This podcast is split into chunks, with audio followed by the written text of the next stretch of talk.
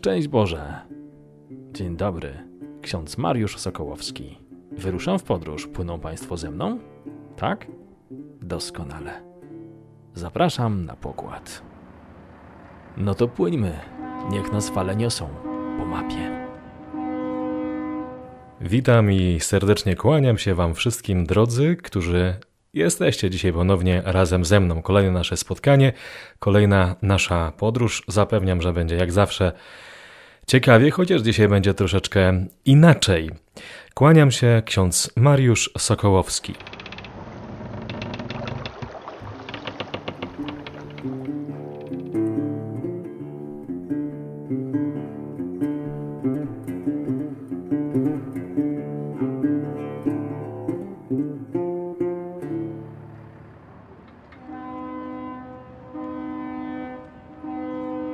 Ostatnio mówiłem Państwu, że u nas jest ciepło, że powoli naprawdę czuć wiosnę. Rzeczywiście zaczęło być troszeczkę cieplej, ale nie aż przez taki długi czas. Te dni teraz zapowiadają się bardzo zimowe. Mamy już ostatnie dni, ostatni tydzień właściwie sierpnia. To jest ostatni tydzień zimy w Australii, ale będzie bardzo chłodny, około 10 stopni i non-stop. Według prognozy pogody ma padać. Dzisiaj nawet u nas spadł, u nas w Melbourne spadł grad a e, w innych regionach Australii nawet śnieg. Są zaspy i są dobre warunki narciarskie, mm, bo tego śniegu jest dużo w górach, natomiast nie ma możliwości realnie pojechać, ponieważ granice przynajmniej naszego stanu Victoria są wciąż zamknięte z racji na wprowadzenie Stage 4, czyli tego ostatniego najwyższego stanu zagrożenia, trudne słowo, epidemiologicznego właśnie. No więc e, jest jak jest. Czekamy jeszcze trzy tygodnie naszego zamknięcia. Cieszymy się, że ta według danych, które czytamy, liczba zarażonych jest mniejsza. Nie komentuję tego, mam swoje zdanie, ale Państwo wiedzą, co ja myślę, pewnie zostawiam to. Zapraszam Państwa dzisiaj do Kazachstanu. Zgodnie z zapowiedzią, właśnie tam jedziemy. Bardziej jedziemy niż płyniemy. Dzisiaj lata się tam samolotem, kiedyś jeździło się pociągami. Samochodem bardzo daleka podróż od Polski. I jak powiedziałem, to będzie dzisiaj troszeczkę inny odcinek naszego podcastu, bardziej może poważny, e, bardziej spokojny, bo też temat, który chcę podjąć, jest poważny. Owszem, będzie Kazachstan, ale będzie dużo więcej o Polakach, którzy do Kazachstanu zostali wywiezieni, przesiedleni, bardzo dramatyczne losy naszych rodaków już z lat 30. ubiegłego stulecia i oczywiście czasy II wojny światowej, dramaty tych biednych ludzi, całych rodzin. O tym dzisiaj trochę sobie powiemy, więc może będzie i tak trochę smutno, jak powiedziałem, poważnie, ale od poważnych tematów, nawet smutnych, nieraz bolesnych, przecież uciekać nie wolno. Więc e, za chwilkę kilka słów ogólnie o Kazachstanie dzisiejszym, potem Opowiem Państwu o tych przesiedleńcach, posłuchamy o cudzie w Oziornem, w końcu posłuchamy historii o błogosławionym księdzu z tamtych rejonów, polskim księdzu i w ogóle pierwszym katolickim księdzu, błogosławionym księdzu Władysławie Bukowińskim, a na koniec zaproszę jak zawsze na uważam bardzo ciekawą rozmowę z księdzem, który kilka lat pracował w Kazachstanie, z księdzem Krzysztofem Kicką, Chrystusowcem. Bardzo gorąco już teraz zapraszam. Zostańcie ze mną. Będzie ciekawie, zapewniam.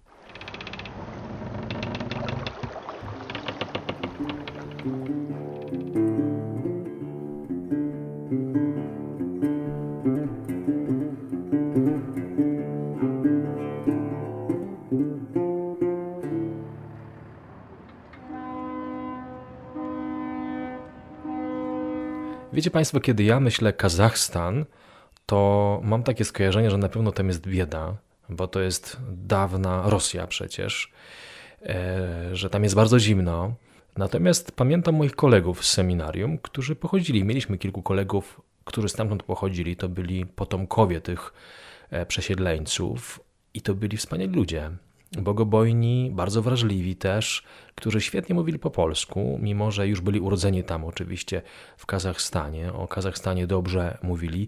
Pamiętam też, że kiedy odmawialiśmy różaniec, a mieliśmy różaniec w seminarium mm, raz czy dwa razy w tygodniu w językach odmawiany, my jako pracujący dla Polonii też w ten sposób e, językowo się kształciliśmy, mówiąc po prostu modlitwy w językach. I był po angielsku, i po niemiecku, i po ukraińsku, po rosyjsku, ale w pewnym momencie też, kiedy się pojawili ci nasi koledzy, wstąpili do seminarium po kazachsku.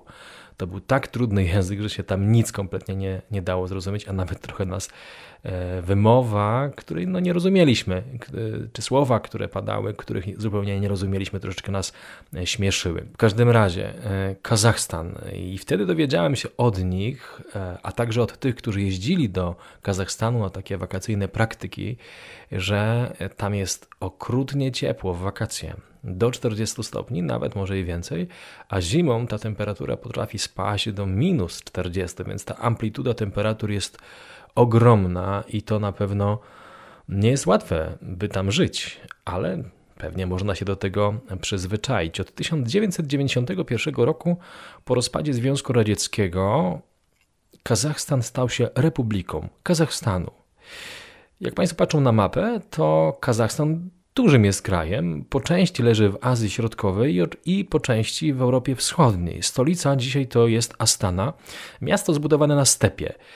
Kiedy Państwo zobaczą jakiś film, jakiś album o Kazachstanie i zobaczą te wieżowce, to po prostu, przepraszam za skojarzenie, Manhattan, po prostu Nowy Jork. Takie wieżowce, to się nie chce wierzyć, że tak piękne, to rzeczywiście duma prezydenta Azerbejdżewa, chyba tak dobrze pamiętam, to teraz z głowy mówię, więc nie wiem, czy na pewno o, o, o, nim, o nim mowa, który budował to miasto. Jest przepiękne to miasto, oczywiście zbudowane całkowicie w takim sztucznym miejscu na stepie, ale mm, robi wrażenie. Ludzie przyjeżdżają tam też zwiedzać, ale wcześniej stolicą były Aumaty, albo była Aumaty, nie wiem jak to się mówi, były Aumaty. Tak, oczywiście duże miasto to też Karagandy, o niej dzisiaj jeszcze troszeczkę e, będzie. Język e, kazachski mm, jest tam językiem, który obowiązuje, ale też rosyjski. Swobodnie znając język rosyjski, można się tam e, porozumieć. Nasi księża, którzy tam pracowali, to e, posługiwali się przede wszystkim rosyjskim. Oczywiście, jak pracowali dla Polaków, to i były po polsku nabożeństwa, msze. Natomiast po kazachsku było dosyć trudno się nauczyć, ale byli tacy nasi, którzy także do tego języka się przymierzali. Pamiętacie Państwo, jak wygląda flaga Kazachstanu? Taka błękitna, niebieska, błękitna właściwie, na której jest słońce, pod spodem taki orzeł, to wszystko jest bardzo takie złociste, a po lewej stronie jest taki pasek e, pionowy, ornament, tak to można, można nazwać. Ta flaga dopiero od 1992 roku funkcjonuje. Wcześniej, ponieważ jak powiedziałem, Kazachstan należał do Rosji, no to był tam sierp i młot. Flaga nawet była czerwona. Na szczęście odcięli się od Rosji, od Związku Radzieckiego i są samodzielną republiką i myślę, że są dumni z tego. I ta flaga niebieska, ten niebieski kolor oznacza niebo i narody tureckie. Ten piękny ornament, taki pionowy po lewej stronie, złocisty też, oznacza sztukę i kulturalne tradycje Kazachów. Natomiast to piękne, złociste słońce, kosmos i harmonię. Natomiast orzeł, który jest pod słońcem umieszczony, to wyraz świata marzeń albo też wyższych jakichś sfer, mm, wyższych rzeczywistości, czyli na przykład Boga. Bardzo ładna flaga, podoba mi się. A gdy chodzi o religijność, to jest kraj muzułmański. Zobaczą Państwo meczety, także potężny meczet w samej stolicy w Astanie, który wybija się też spośród innych budowli i na pewno robi ogromne wrażenie. A więc 70% tego kraju to są wyznawcy religii Mahometa. 26 to chrześcijanie różnych odłamów chrześcijańskich, ale katolików, uwaga, niecały 1%, niecały 1%. Także bez w ogóle żadnej religii, przynależności do żadnego kościoła, to 3,4 punkta procentowego mieszkańców Kazachstanu. Pozostali to jeszcze nawet buddyści i wyznawcy innych religii, ale to już są znikome e, procenty. To taki Kazachstan współczesny, ale ten Kazachstan, który dzisiaj jest taki piękny, który zachwyca też, chociaż ma bezkresne stepy, to on był świadkiem cierpienia ludzkiego Kazachstan nazywany był nieludzką ziemią. Ludzie nagle, bez przygotowania psychicznego, materialnego zabezpieczenia, zostali wyrwani z własnych domów, często nocą, otrzymawszy parę minut, maksymalnie dwie godziny, żeby się spakować i wyjechać w zupełnie nieznane miejsce po to, żeby najczęściej już nigdy nie wrócić. Zapraszam Państwa na historię Polaków przesiedlonych do Kazachstanu.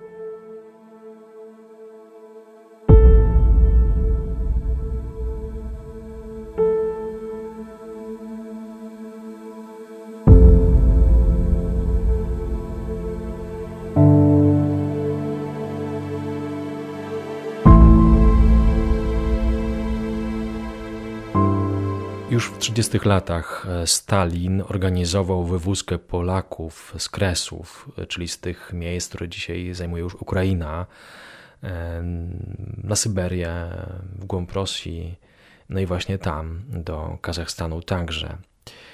Mówi się o takich czterech wielkich deportacjach. Pierwsza deportacja to 140 transportów 10 lutego 1940 roku i wywieziono wtedy w tych transportach 140 tysięcy ludzi, Polaków, najwięcej Polaków, ale nie tylko. Druga deportacja, która była niejako uzupełnieniem tej pierwszej, była łagodniejsza, no bo już była w kwietniu, więc było cieplej, a ta pierwsza była luty, no to wiadomo, siarczyste mrozy.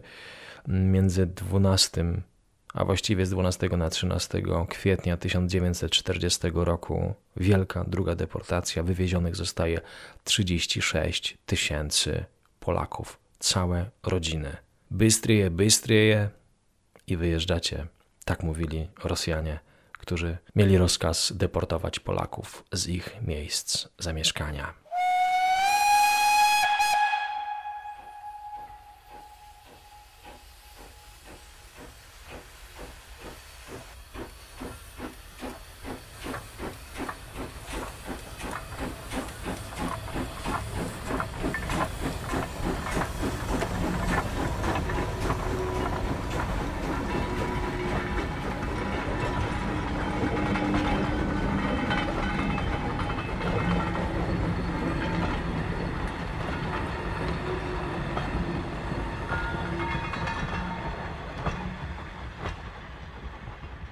Do północnego Kazachstanu na stepy przyjechało bardzo wielu Polaków. Świadkowie mówią, że transport zatrzymał się, powiedziano wysiadać. Dano im siekiery i działać. Często musieli mieszkać na początku w namiotach, potem budowali jakieś e, lepianki. Całe rodziny pozbawione szczęścia, pozbawione nadziei. Nie mogli też wyznawać wiary, ale właśnie wiara ich trzymała właśnie modlitwy w jakichś starych modlitewnikach, ze starych modlitewników odmawiane, nie mieli miejsca kultu, nie mieli kościoła, nie mieli księdza absolutnie, więc to wszystko było dla nich bardzo bolesne i trudne. Wielu ludzi nie przetrzymywało tej ogromnej próby, próby nie tylko wiary, ale próby zmiany w swoim życiu, wyrwani z korzeniami i przesiedleni w zupełnie nowe miejsce, które nie było ich, a więc było to wszystko bardzo trudne. Pierwszymi miejscami kultu dla nich były cmentarze. Ludzie tam umierali przecież. A jak już był grób, no to jakiś mały krzyż i to było miejsce ich kultu. Tam przychodzili, tam modlili się, a w domach, ponieważ były represje, modlili się bardzo po cichu, na różańcu. Nie mogli wyznawać polskości, nie mogli modlić się. To wszystko było naznaczone jakimś lękiem, jakimś strachem i tak sobie po prostu tam żyli. Ale doświadczyli ogromnego bólu i ogromnego cierpienia. Co ich może spotkać jeszcze? Czy przeżyją? Jak długo to potrwa? Wywiezieni do łagrów, wywiezieni do obozów, tak spędzali tam nawet kilka lat.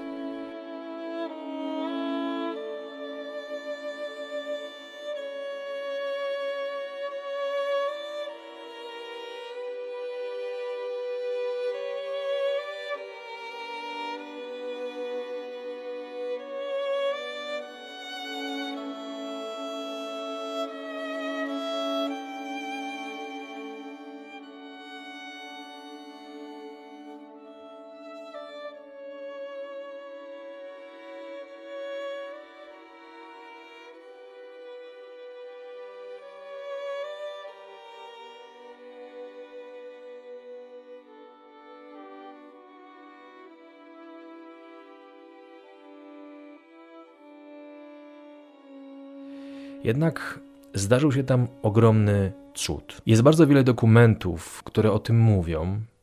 Otóż siarczysty mróz i głód dziesiątkował przesiedleńców. Nie wytrzymywali tych warunków, absolutnie. Śnieg, step, gdzie można było coś wyhodować, gdzie można było coś ocalić do jedzenia. Ludzie modlili się, jak powiedziałem, pokryjomu na różańcu. Dzień w dzień. I zdarzyło się coś niesamowitego. Wiosną 1941 roku, kiedy było tak strasznie dużo śniegu, bardzo szybko, intensywnie zaczęły się roztopy. Tej wody było tak strasznie dużo, że Ziemia nie była w stanie przyjąć tej wody. Z całej okolicy woda stopiona z tych śniegów spływała do takiego zagłębienia i powstało jezioro. Proszę sobie wyobrazić, jest to niewiarygodne. To jezioro miało długość 5 kilometrów i głębokość 7 metrów. Tak po prostu. Takie były śniegi i takie były roztopy. I dokładnie 25 marca to jest święto maryjne, zwiastowanie pańskie. Właśnie wtedy, nie wiadomo skąd, w tym jeziorze pojawiają się ryby. Tak straszna, duża ilość ryb, że ludzie łowili te ryby rękami.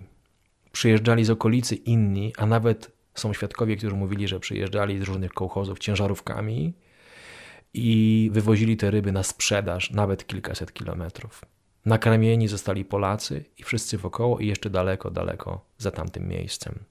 Wszyscy uznają to wydarzenie jako cud w Oziornem, bo to było w miejscowości Oziorne. Nie jest to niewiarygodne, bo przecież tworzenie rybostanu czy odbudowywanie go to jest kwestia kilku lat, a nie kilku dni zaledwie. To ewidentnie był cud.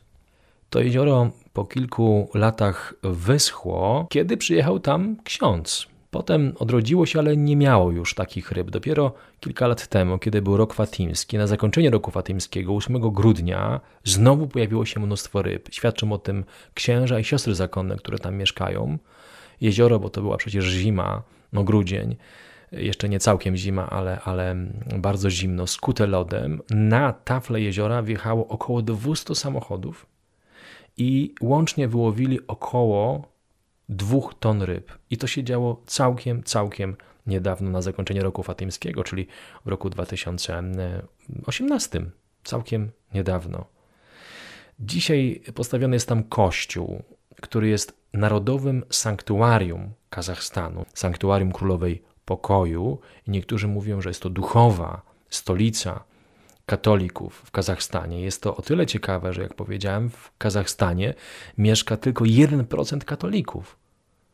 1%, a udało się taki kościół zbudować i tam nad brzegiem postawiono figurę na takim filarze, figurę wykonaną w Polsce zresztą, figurę Matki Bożej, która ciągnie sieci z wody, a w tej sieci są ryby. Matka Boża e, dokładnie nazywa się Maryja karmiąca rybami.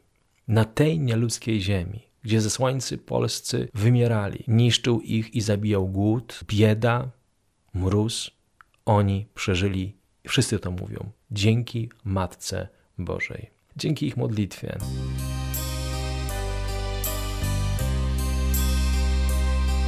O Maryjo, przepiękna Maryjo, Ty w oziornym wyprosiłaś cud. Dałaś ryby ze słońcą wśród stepów W czasie wojny, gdy groził im głód. Dałaś ryby ze słońcą wśród stepów W czasie wojny, gdy groził im głód. Odebrano im wszystko, co mieli prócz nadziei i wiary, że Ty nie opuścisz swych dzieci w niedoli, że w modlitwie różańca moc tkwi. Nie opuścisz swych dzieci w niedoli, że w modlitwie różańca moc tkwi. O Maryjo, królowo pokoju. W Kazachstanie bądź gwiazdą, co lśni. Niech u stóp Twych wyprasza lud wierny, pokój, którym obdarza Twój Syn. Niech u stóp Twych wyprasza lud wierny, pokój, którym obdarza Twój Syn.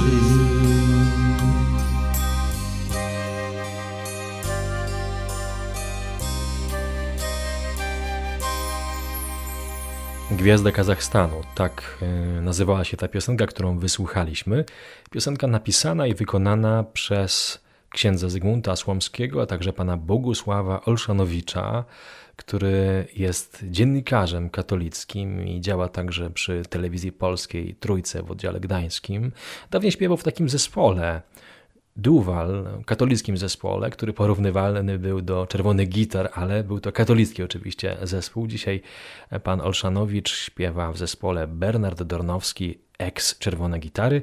I bardzo dziękuję panu Bogusławowi Olszanowiczowi, bo właśnie dzięki jego uprzejmości tę piosenkę dzisiaj mogłem państwu zaprezentować i mogliśmy ją razem wysłuchać. Bardzo Pana też serdecznie pozdrawiam, a także księdza Zygmunta Słomskiego. Dodam tylko, że ta piosenka była specjalnie napisana na instalację ołtarza, jednego z dwunastu ołtarzy, które wyszły z Polski, a umieszczone są w różnych częściach świata w ramach inicjatywy 12 gwiazd w koronie królowej pokoju. Przed tym ołtarzem, to jest ołtarz adoracji, modlą się ludzie o pokój na świecie.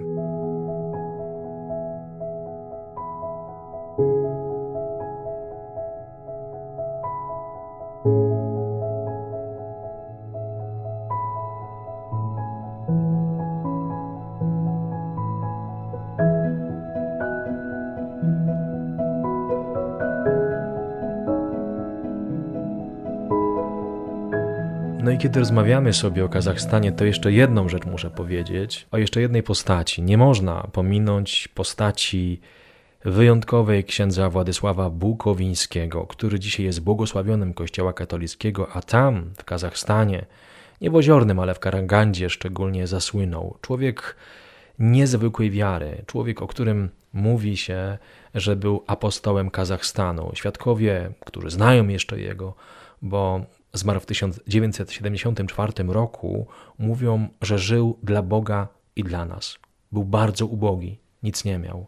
Cechowała go dobroć, uśmiech, delikatność, no i walka o zbawienie dusz, a czasy były bardzo trudne. Trzeba wspomnieć, że ksiądz bukowiński Władysław przeżył w obozach, w łagrach, tak zwanego gułagu, 13 lat. Obok niego też byli wybitni pasterze, jak ksiądz Józef Kuczyński, który pracował w tańszy, ksiądz Bronisław Drzepecki w Zielonym Gaju, ten wcześniejszy 17 lat w łagrach. Więc bardzo trudne były to warunki pracy.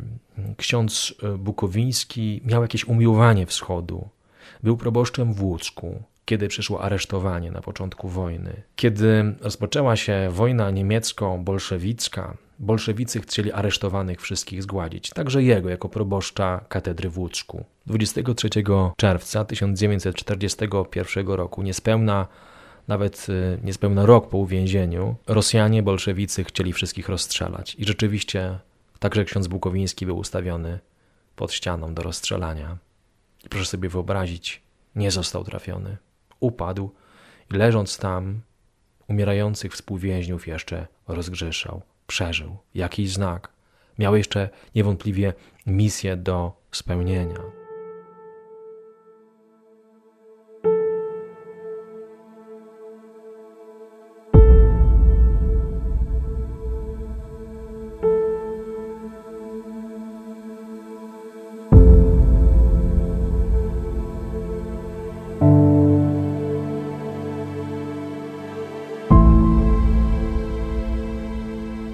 Kolejnym aresztowaniu zostaje wywieziony już do Kazachstanu. Potem zwolniony, nie zna jeszcze ludzi, nie zna miejsca, idzie na cmentarz. Tam spotyka ludzi, patrzy, jest pogrzeb. Podchodzi i modli się z tymi ludźmi. Po chwili przejmuje modlitwę i zaczyna prowadzić te modlitwy. Ludzie patrzą, o, ksiądz! Niezwykle się ucieszyli, już zrobili wszystko, żeby z nimi został. A była to Karaganda. Tam został do końca swojego życia. Kiedy w 1950 roku przyszło jakieś rozluźni- rozluźnienie i można było, można było wyjechać do Polski, on mógł to zrobić. Wielu go zachęcało, żeby wracał do Polski, a on powiedział bardzo świadomie: Ja jestem księdzem. W Polsce jest dużo księży, ale ja tutaj jestem potrzebny.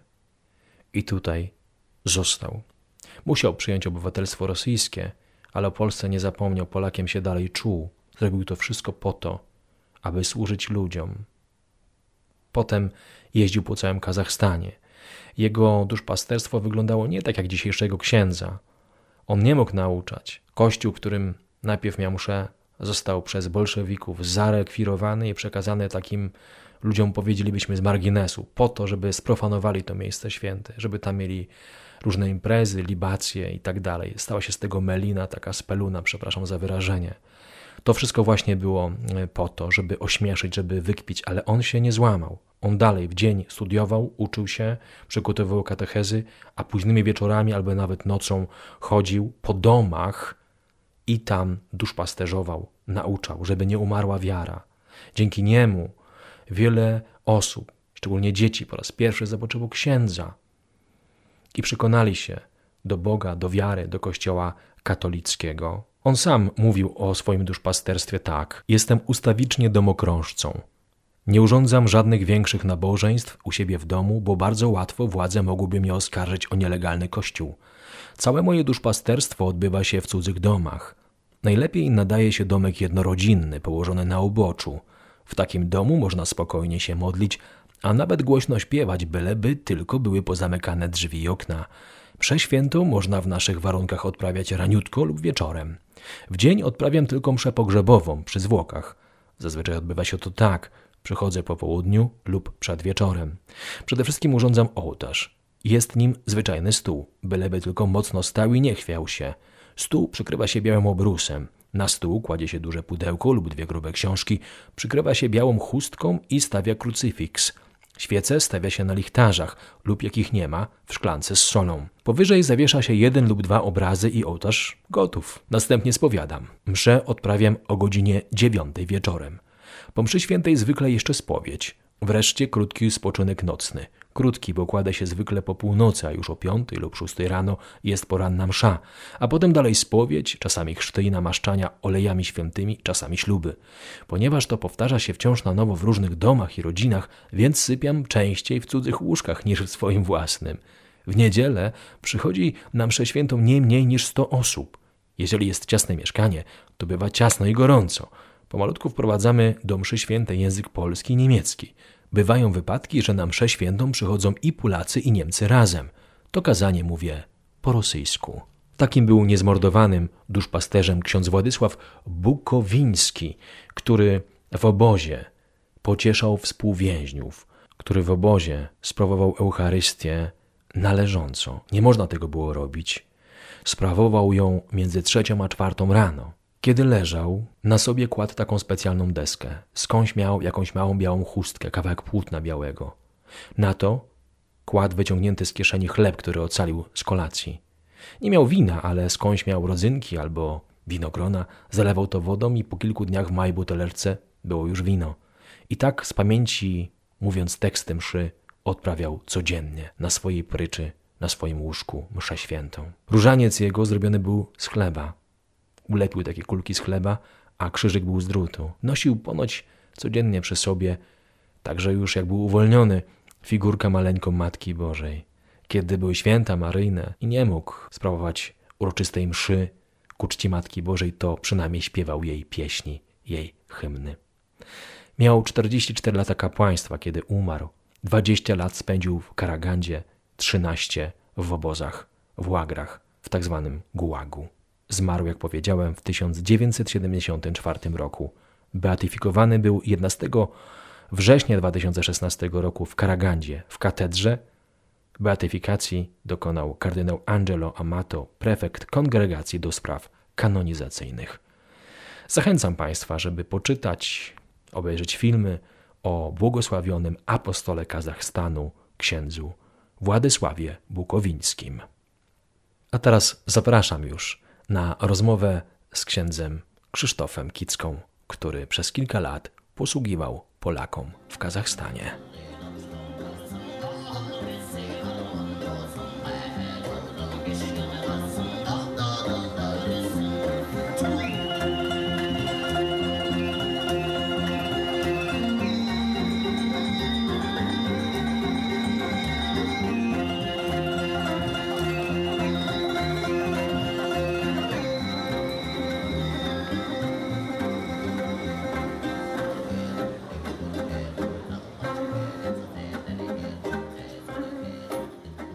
Będzie pochwalony Jezus Chrystus. Kolejne nasze spotkanie z duszpasterzem Polonii.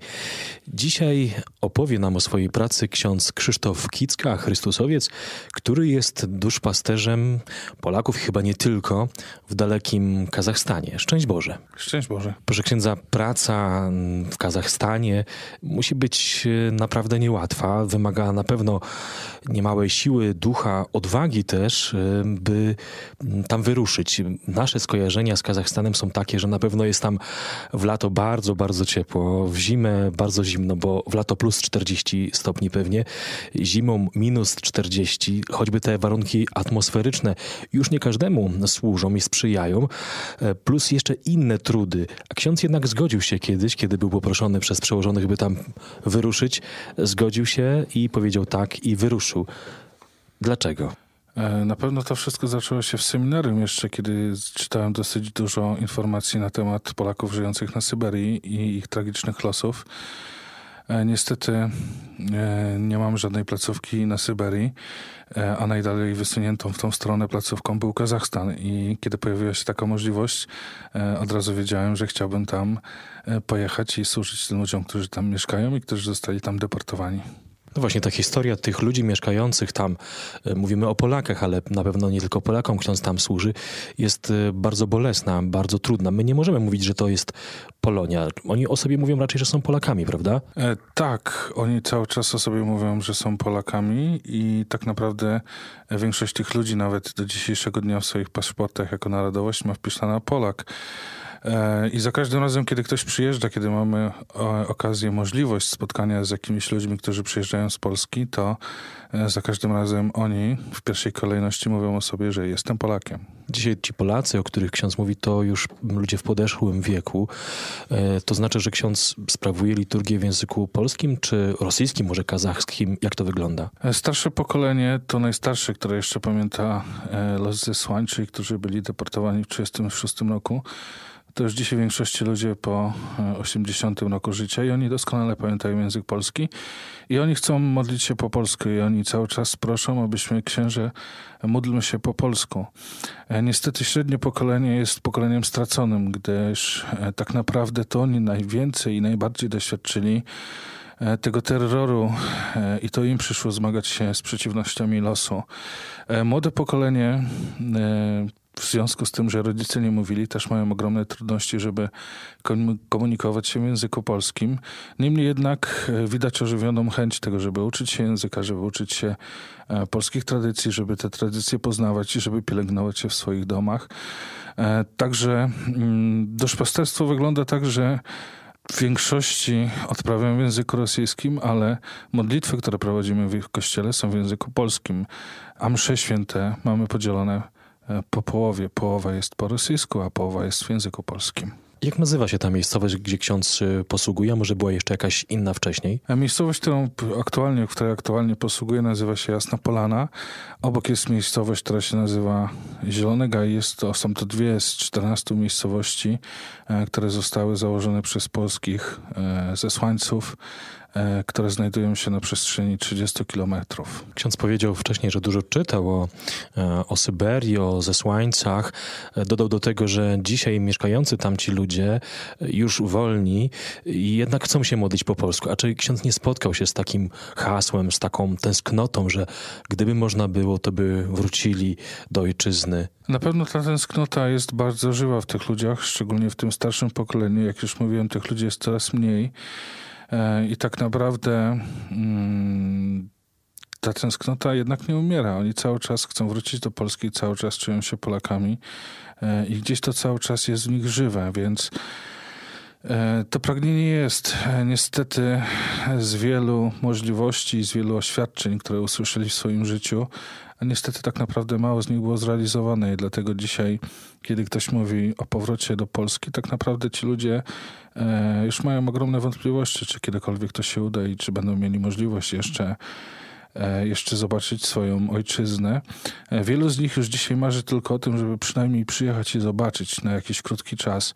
Już nie marzą o tym, żeby wrócić, ale marzą, żeby przynajmniej ich wnuki, ich dzieci mogły przyjechać i zobaczyć, jak wygląda współczesna Polska. Zatem obecność tam polskiego duszpasterza, możliwość przynajmniej po części modlitwy w języku ojczystym polskim jest dla nich ogromnie ważna i na pewno ogromnie ich cieszy. E, tak, widać to na przykład po ostatnim naszym E, działaniu, które e, było tym, że e, w Jasnej Polanie został wybudowany Dom Polski po zaangażowaniu, którzy ci, jakie ci ludzie podjęli, żeby ten Dom Polski mógł tam istnieć, ale także widać po tym, jak, jak ci ludzie z chęcią do tego Domu Polskiego przychodzą, aby uczyć się języka, aby uczyć się polskich tradycji, z jaką radością przyjęli polskiego nauczyciela.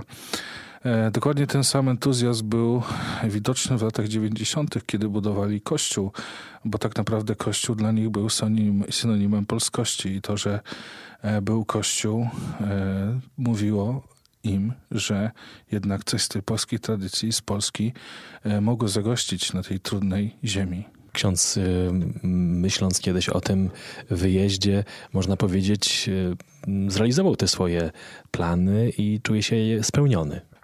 Tak, było to moje marzenie już od, od seminarium i już wtedy myślałem o tym, żeby pojechać i służyć tym ludziom. E, tym bardziej, że wydaje mi się, że oni na to zasłużyli i tak naprawdę to, co przeżyli, historię ich życia, kiedy człowiek zaczyna poznawać, kiedy człowiek zaczyna studiować, kiedy oni zaczynają opowiadać o tych trudnych latach na samym początku, ale także później terroru stalinowskiego, e, one mm, jakoś tak człowieku w człowieku wzbudzają takie przeświadczenie, że dobrze, że tu jesteś, bo ci ludzie naprawdę zasłużyli, żeby wśród nich był polski kapłan. Jak długo ksiądz jest już w Kazachstanie? W tym roku piąty rok. Zaczynam z posługę piąty rok, e, więc e, tego czasu jest dosyć sporo, ale myślę, że jeszcze wiele dobrych rzeczy przed nami. Z tego co wiem, ksiądz również na wschodzie był w innym jeszcze kraju. Może ksiądz powie parę słów o tym. E, trzy pierwsze lata spędziłem na Ukrainie, w Kamieńcu Podolskim. Było to związane z tym, że jako młody ksiądz przełożeni mieli troszkę obawy przed tym, żeby wysłać mnie tak daleko do Kazachstanu, więc takim punktem pośrednim była Ukraina. Z jednej strony blisko Polski, z drugiej strony e, troszkę z tego wschodniego klimatu można było tam już doświadczyć, więc trzy pierwsze lata spędziłem wśród Polaków mieszkających w Kamieńcu Podolskim. Gdyby była taka sposobność wyjazdu na Syberię jeszcze dalej, ksiądz by się zgodził oczywiście. Tak, jestem na to gotowy. A proszę powiedzieć o początkach w Kazachstanie. Jakieś wyobrażenie ksiądz miał, jakieś marzenia, dużo literatury mm, poznanej w tym czasie i potem to zderzenie z rzeczywistością. Czy było tam tak, jak ksiądz sobie to wyobrażał, wyczytał, czy coś księdza zaskoczyło? E, dosyć dużo czytałem i kiedy wyjeżdżałem do Kazachstanu, e, żyłem w takim przekonaniu, że tak naprawdę mm, ja wiem, gdzie ja jadę i a wiem, co to za ludzie, wiem, czym oni żyją, co przeżywają. I pamiętam takie jedno z pierwszych naszych spotkań, kiedy jeszcze byłem klerykiem, kiedy pierwszy raz wjechałem do Kazachstanu. E, po mszy świętej wyszła grupa starszych pań, E, z którymi e, chciałem się przywitać. Oczywiście to był jeszcze taki czas, w którym e, chciałem to zrobić po rosyjsku, jako że w seminarium uczyłem się języka rosyjskiego, więc, więc przywitałem się z nimi po rosyjsku i ta jedna ze starszych pań powiedziała, księże, proszę, rozmawiajmy po polsku. I wtedy było to dla mnie tak silne doświadczenie, że przejeżdżając 5000 kilometrów E, pojawiając się w całkowicie innej kulturze, bo kultura kazachska jest bardzo odległa od naszej kultury. E, spotykam ludzi, którzy chcą dzisiaj mówić po polsku i to doświadczenie tego pierwszego mojego wyjazdu do Kazachstanu jeszcze jako kleryk e, wywarło na mnie bardzo ogromne wrażenie. To rzeczywiście chwyta za serce i na pewno było takim, takim, taką kropką nad i, takim potwierdzeniem, że tak, że muszę tam jechać, jestem, jestem potrzebny. Ale teraz chciałem zapytać o to, mm, o czym na początku powiedziałem, o, o warunkach takich atmosferycznych. Czy rzeczywiście tam jest zimą bardzo, bardzo zimo, zimno, a latem nie do wytrzymania ciepło? Na to pytanie może odpowiem troszkę e, z drugiej strony. E, kiedy deportowali Polaków do Kazachstanu, to było doskonałe więzienie. E, I właśnie było to związane z tym, że warunki atmosferyczne panujące w północnym Kazachstanie były skrajne. Dlaczego idealne? Dlatego, że właśnie zimą było minus 40, więc uciekać nie było sensu. Latem było plus 40, więc e, też nie było sensu uciekać. Poza tym e, po horyzont było wszystko widać. E, te warunki do dzisiaj pozostały skrajne, chociaż może już troszkę bardziej łagodne. Te historie, które opowiadają ludzie, którzy byli deportowani o tych srogich zimach, które przyszło im przeżyć, już dzisiaj może tak do końca się nie sprawdzają, ale jeszcze dzisiaj można naprawdę napotkać takie warunki zimowe, szczególnie zimowe, które E, które sprawiają, że e, człowiek e, nabiera jakiegoś respektu przed pogodą i przed warunkami. Najniższa temperatura, którą przeżyłem w Kazachstanie to minus 48 stopni. Dzieci do szkoły przestają chodzić, kiedy jest minus 30. Tak samo biskup nasz zabrania nam już gdziekolwiek wyjeżdżać, kiedy temperatura spada poniżej 35 stopni. Druga sprawa bardzo ważna w Kazachstanie, że to jest to, że E, tak naprawdę tego zimna się nie czuje. E, do minus 20 można chodzić w krótkim rękawku. Jest to bardzo zdradnicze, dlatego że e, tak naprawdę człowiek zamarza, a o tym nie wie. I pomimo tego, że wiele się zmieniło, pomimo tego, że pojawiła się infrastruktura, to do dzisiaj my przeżywamy takie historie, że gdzieś tam zimą ktoś w którymś miejscu zamarzł. E, I to są dosyć częste niestety historie. E, więc e, te warunki atmosferyczne, pogodowe, one są trudne. Niemniej jednak to nie jest cały okres zimowy, bo cała zima to jest około 8 miesięcy i są też takie dni, kiedy ta temperatura nie jest aż tak niska e, i wtedy możemy normalnie funkcjonować. A kiedy spada powyżej, poniżej minus 35 stopni, wtedy niestety musimy zostać w domu. To ksiądz musi być bardzo zaprawiony. Czy to jest tak, że jak ksiądz jedzie do kościoła, to na pewno w samochodzie ma jakąś łopatę i worek piasku, żeby sobie poradzić w, w razie jakichś ogromnych zasp?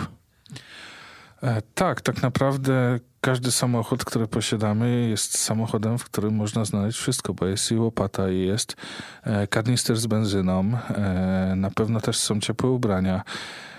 Wielu księży wozi ze sobą także drewno, które sprawia, że gdyby coś tam się stało, gdyby samochód zamarzł, to można byłoby go podgrzać, żeby odpalić.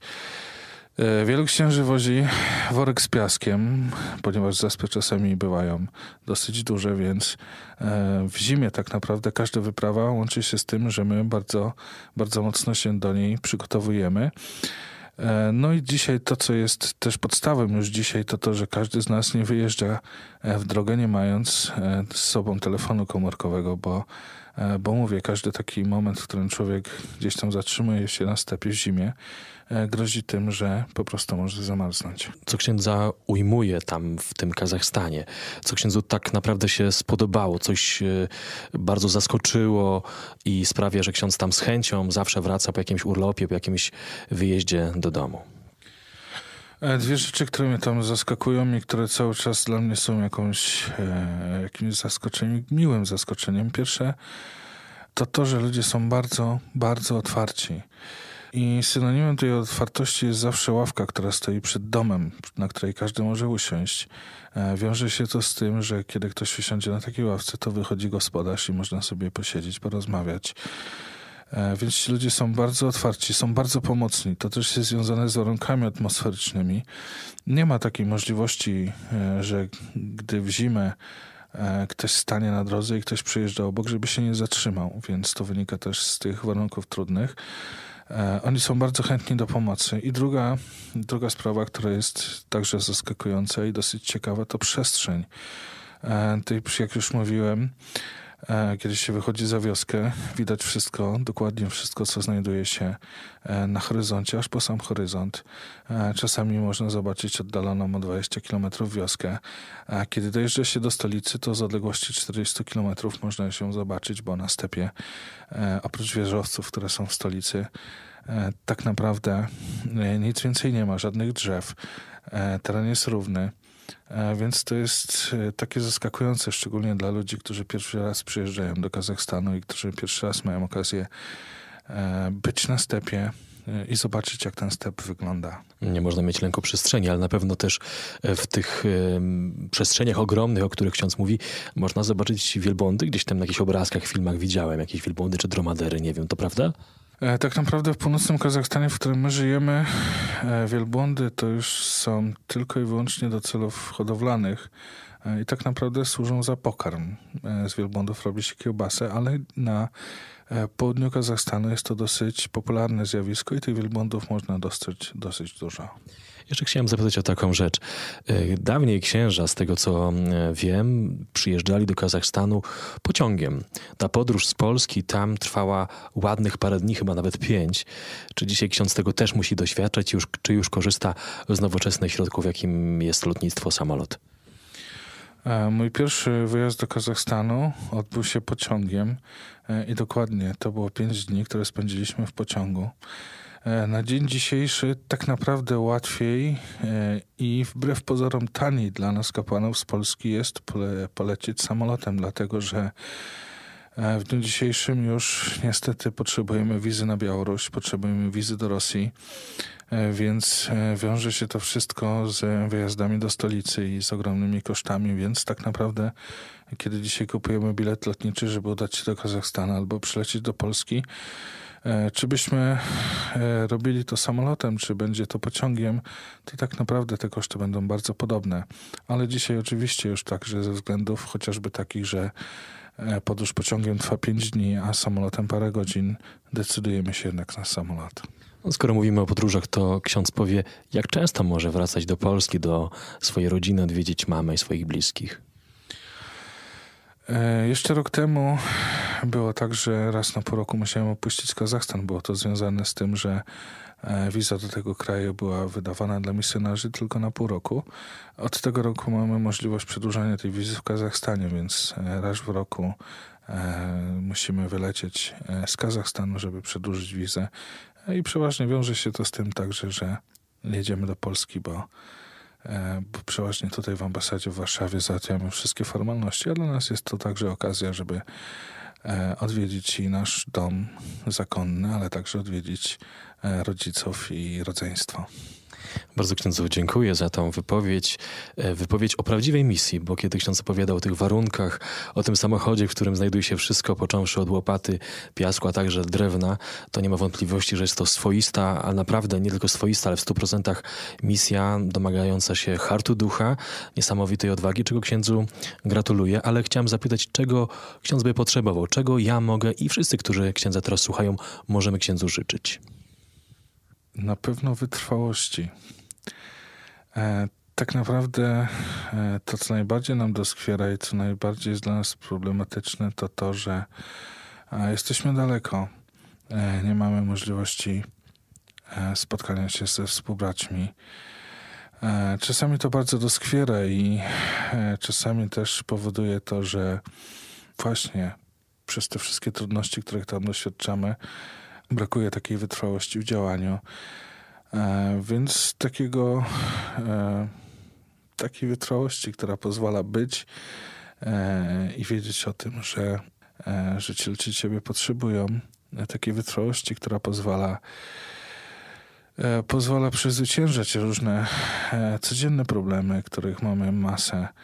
Takiej wytrwałości, która mm, pozwala się nie poddawać właśnie w takich momentach zimowych, e, w takich momentach, kiedy musimy niestety zmagać się nie tylko e, z tym, co tam zostaliśmy, ale także z pogodą i z różnymi innymi trudnościami, więc ta wytrwałość po słudze ona jest bardzo ważna, tym bardziej, że coraz więcej księży wyjeżdża z Kazachstanu, nie mogąc sobie właśnie z tymi trudnościami różnymi dać radę. Ja ze swojej strony oczywiście obiecuję, że będę pamiętać w modlitwie o księdzu i o księdzu posłudze, księdzu parafianach. Myślę, że słuchacze też do tej modlitwy się dołączą. I raz jeszcze dziękuję bardzo za podzielenie się świadectwem swojej pracy w dalekim Kazachstanie. Dzisiaj był z nami ksiądz Krzysztof Kicka, Chrystusowiec, pracujący w Kazachstanie. Bóg zapłać i wszystkiego dobrego. Szczęść Boże. E, Dziękuję ślicznie za spotkanie. Szczęść Boże. Żegnając się z Państwem, dziękuję Wam za obecność, za to, że wytrwaliście razem ze mną. Może dzisiaj było trochę bardziej poważnie, ale żeby nie było smutno, to zapraszam do wysłuchania radosnego utworu w języku rosyjskim Miłość rządzi. Tak jest zatytułowany.